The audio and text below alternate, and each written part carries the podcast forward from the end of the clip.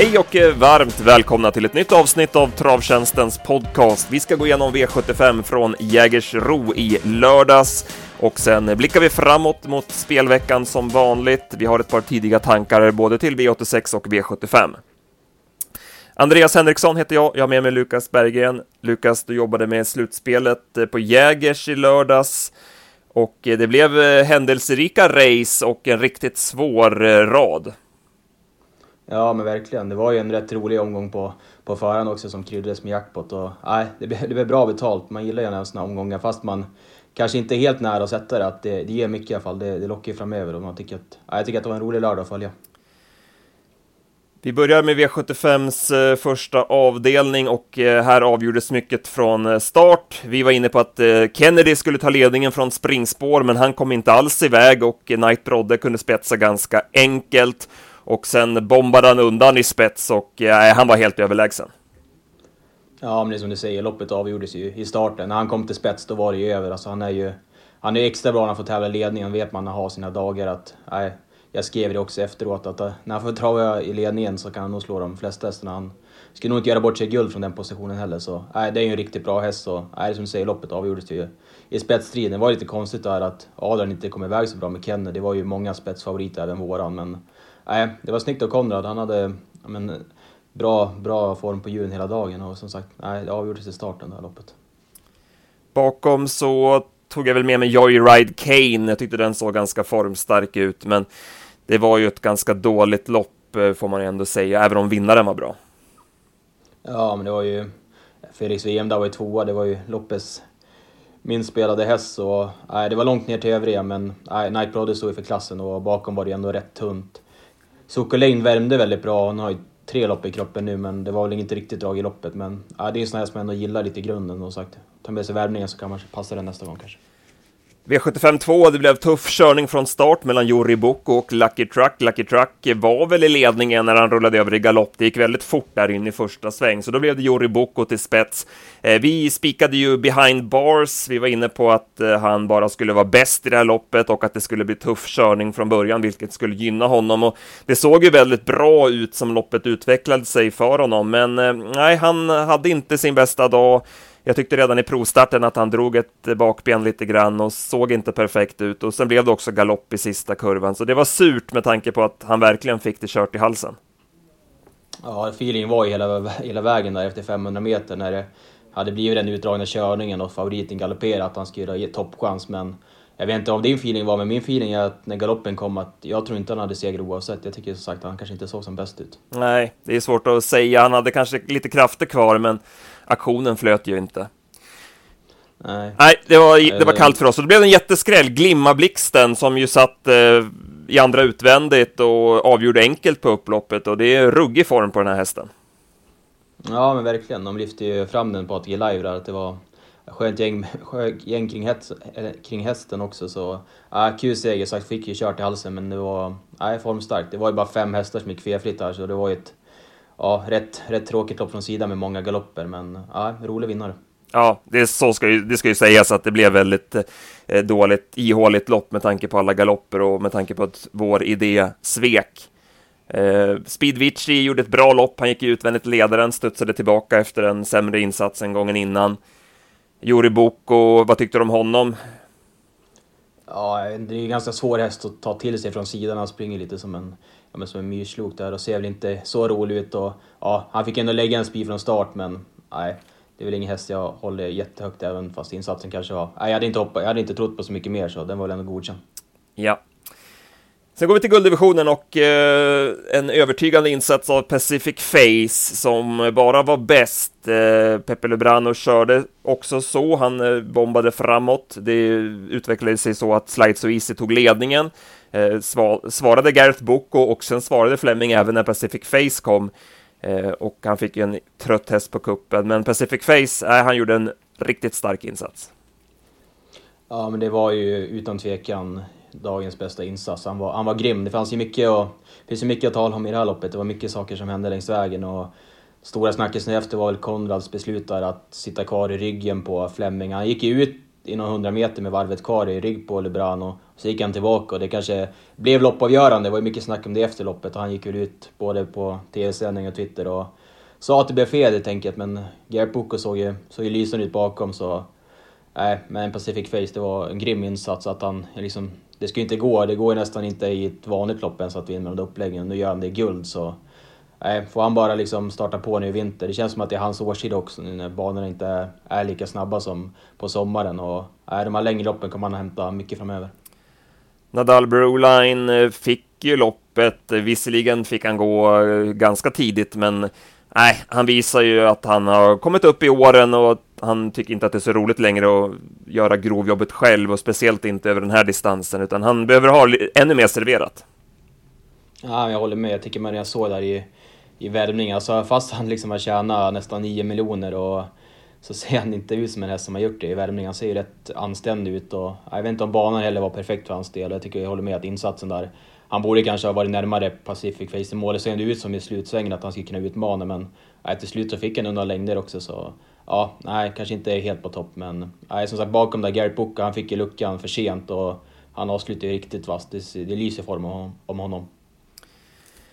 Vi går vidare till V75s fjärde avdelning och eh, här blev det en skräll. Eclipsam som Adrian Colgjini gjorde ett eh, drag med varvet kvar ungefär då han lämnade tredje ut och tog invändigt.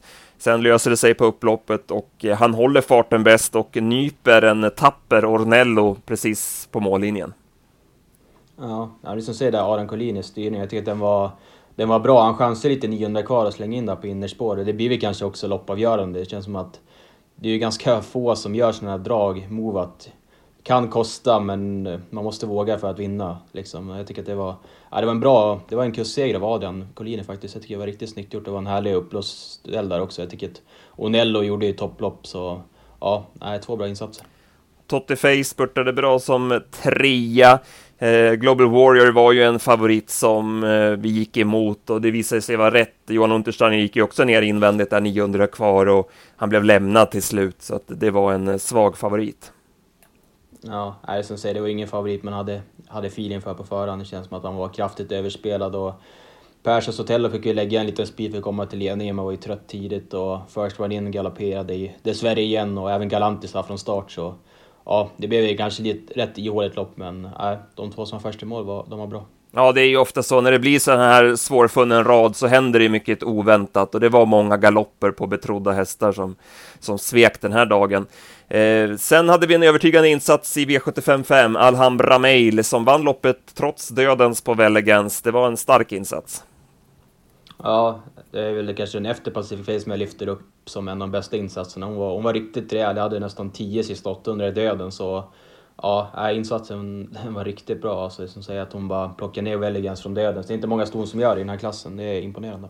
Även här en svag favorit i Zeta Kronos som ju kom från en sämre insats på Axevalla och eh, hon fortsatte eh, på den inslagna vägen här, gjorde en eh, ganska slät figur som femma.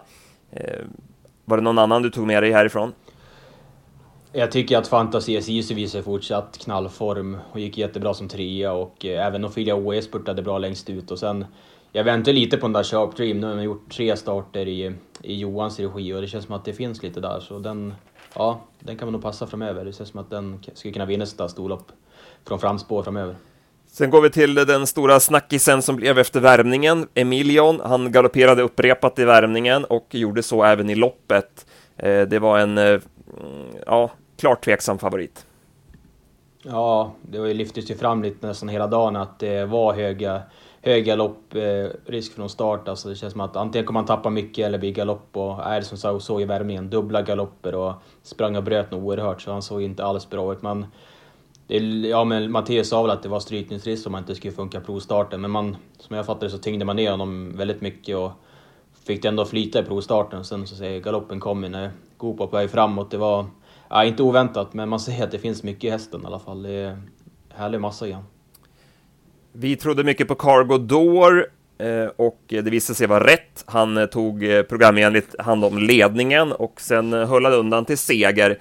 Många var ju skeptiska till honom med tanke på hans svaga statistik med skor, men det som vi har sagt tidigare, det gäller att kolla på vilka lopp har hästen varit ute, när var det och vad är det för häst nu? det, här var ju gamla starter från början av hans karriär. Han gjorde väl en start 2019 med skor, mm, någon lunchlopp när Jorma körde, men eh, det går ju liksom inte att jämföra det med hur hästen har varit på slutet och vilken utveckling det har varit på honom. Och sen också när det är ja, men, nere på Jägersro, det är en fin bana, man kan köra med lätta aluminiumskor, behöver inte ha något brodd i skorna. Då är det ju en stor skillnad mot om man till exempel måste ha skor med hakar eller om det är en väldigt besvärlig bana som man går till då. Så att man får se upp det där, men man ska inte stirra sig blind på statistiken. Nej, men det är som du säger, jag håller med. Alltså, även när han, om du säger att han tävlade med skor en gång förra, förra året, eller 2019, och galopperande. För det så var det inte förrän 2018, så det har hänt mycket de senaste åren. Han har varit smällfin hela ja, men förra vintern nu också. Så ja, jag håller med. Det var, han var riktigt fin. Det var, han vann ju med krafter sparade också. Jag hade sist 12 sista 800. Han såg ju fin ut. Så nej, bra insats och Magnus Djuse åkte ner för att köra honom och det blev, blev seger. Mm. Sen blev det ju ganska billigt lopp. Även det här får vi väl ändå eh, erkänna eh, med tanke på att favoriten inte fungerade och att Four Guys Dream blev ju struken. Och med tanke på att eh, Payet DE blev kvar i kön. Hanna Läderkorpi, det kändes som att hon var sugen på att gå, men att hon inte riktigt var med när Björn gick där varvet kvar, så att hon var i någon form av halvspår och det var väl eh, Sisu där också, så att det blev lite, eh, ah, det blev fel där varvet kvar helt enkelt. Och sen när Sisu och Emilion krokade ihop där i sista sväng så fick ju Hanna chansa invändigt och sen fick han ju aldrig chansen. Vad tror du, hade han vunnit om hon hade gått först i tredje, säg sista 900? Jag vet inte, jag tycker att hästen såg ganska alltså, halvseg ut när hon var på väg att gå. Och som du säger att de fick slänga invändigt där.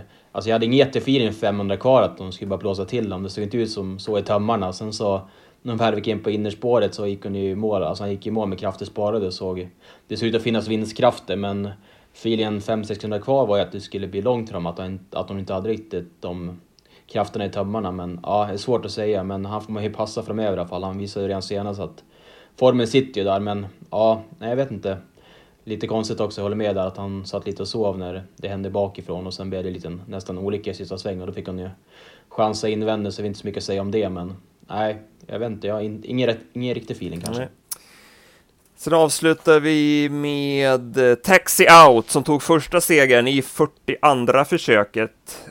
Men det krävdes en del stolpe in för att segern skulle komma.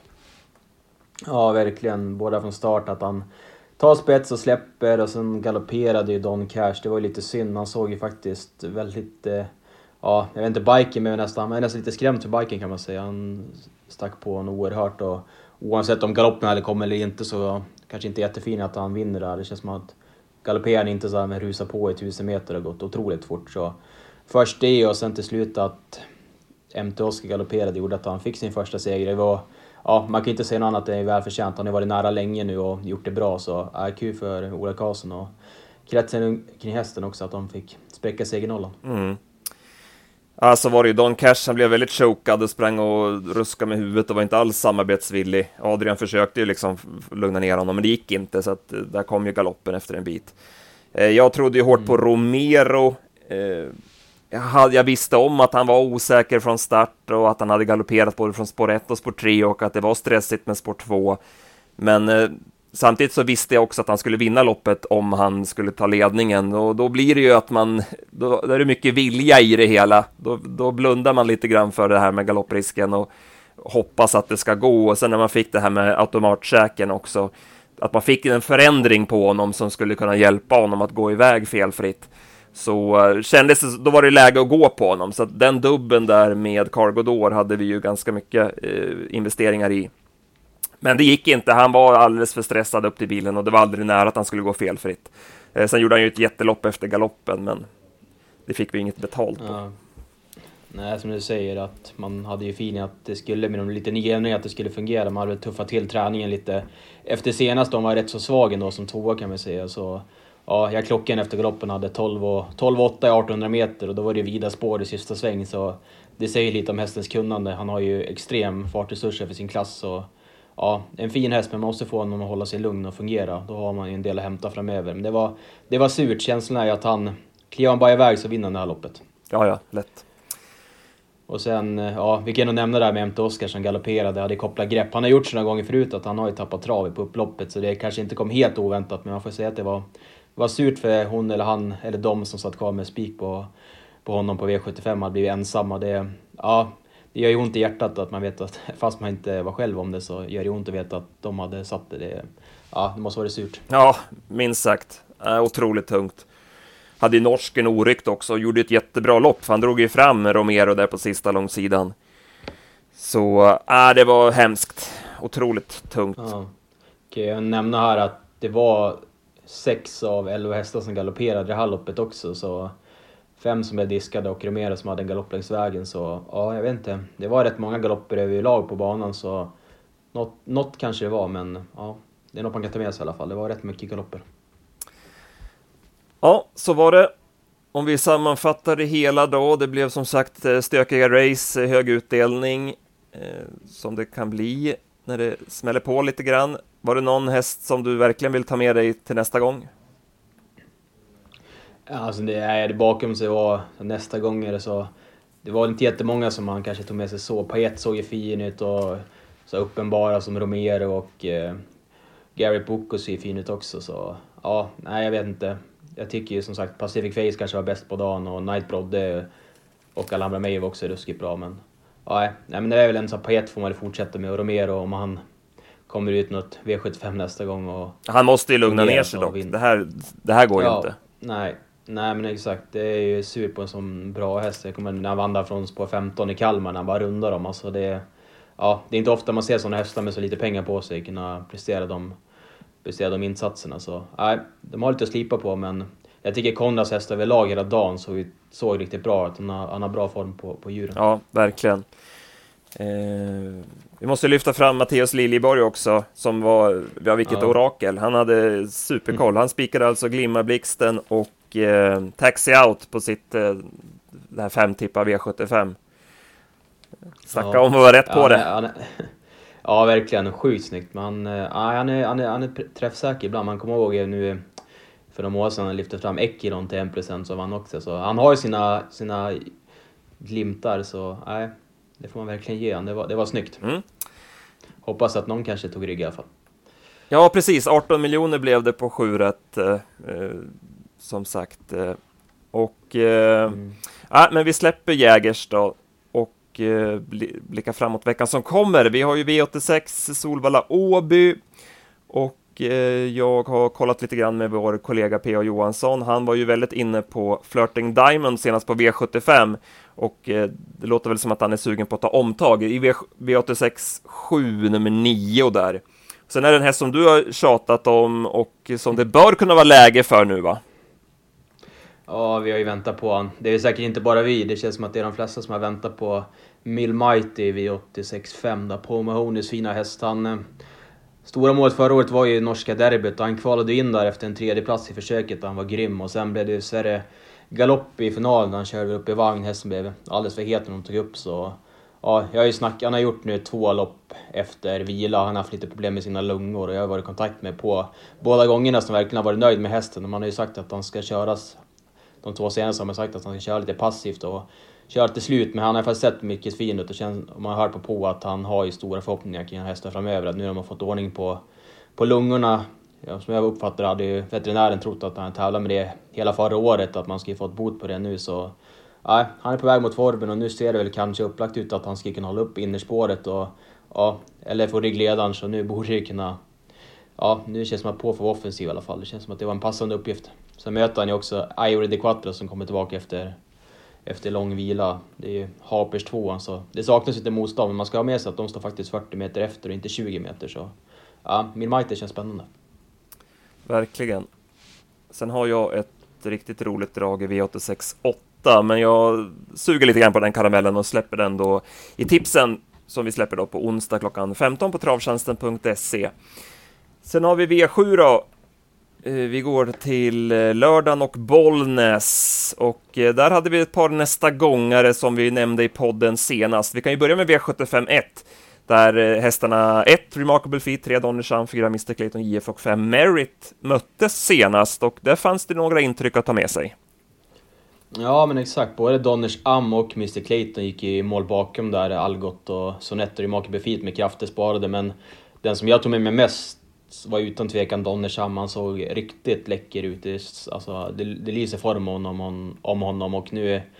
Ja, Ulf Olsson upp känns spännande och som sagt, inte det blodigaste gänget och ändå 1600. Han har gjort bra lopp på 1600 tidigare så nej, han borde kunna hålla och göra lite jobb kanske utvändigt redan här och vara med i segerstriden. Så nej, spännande.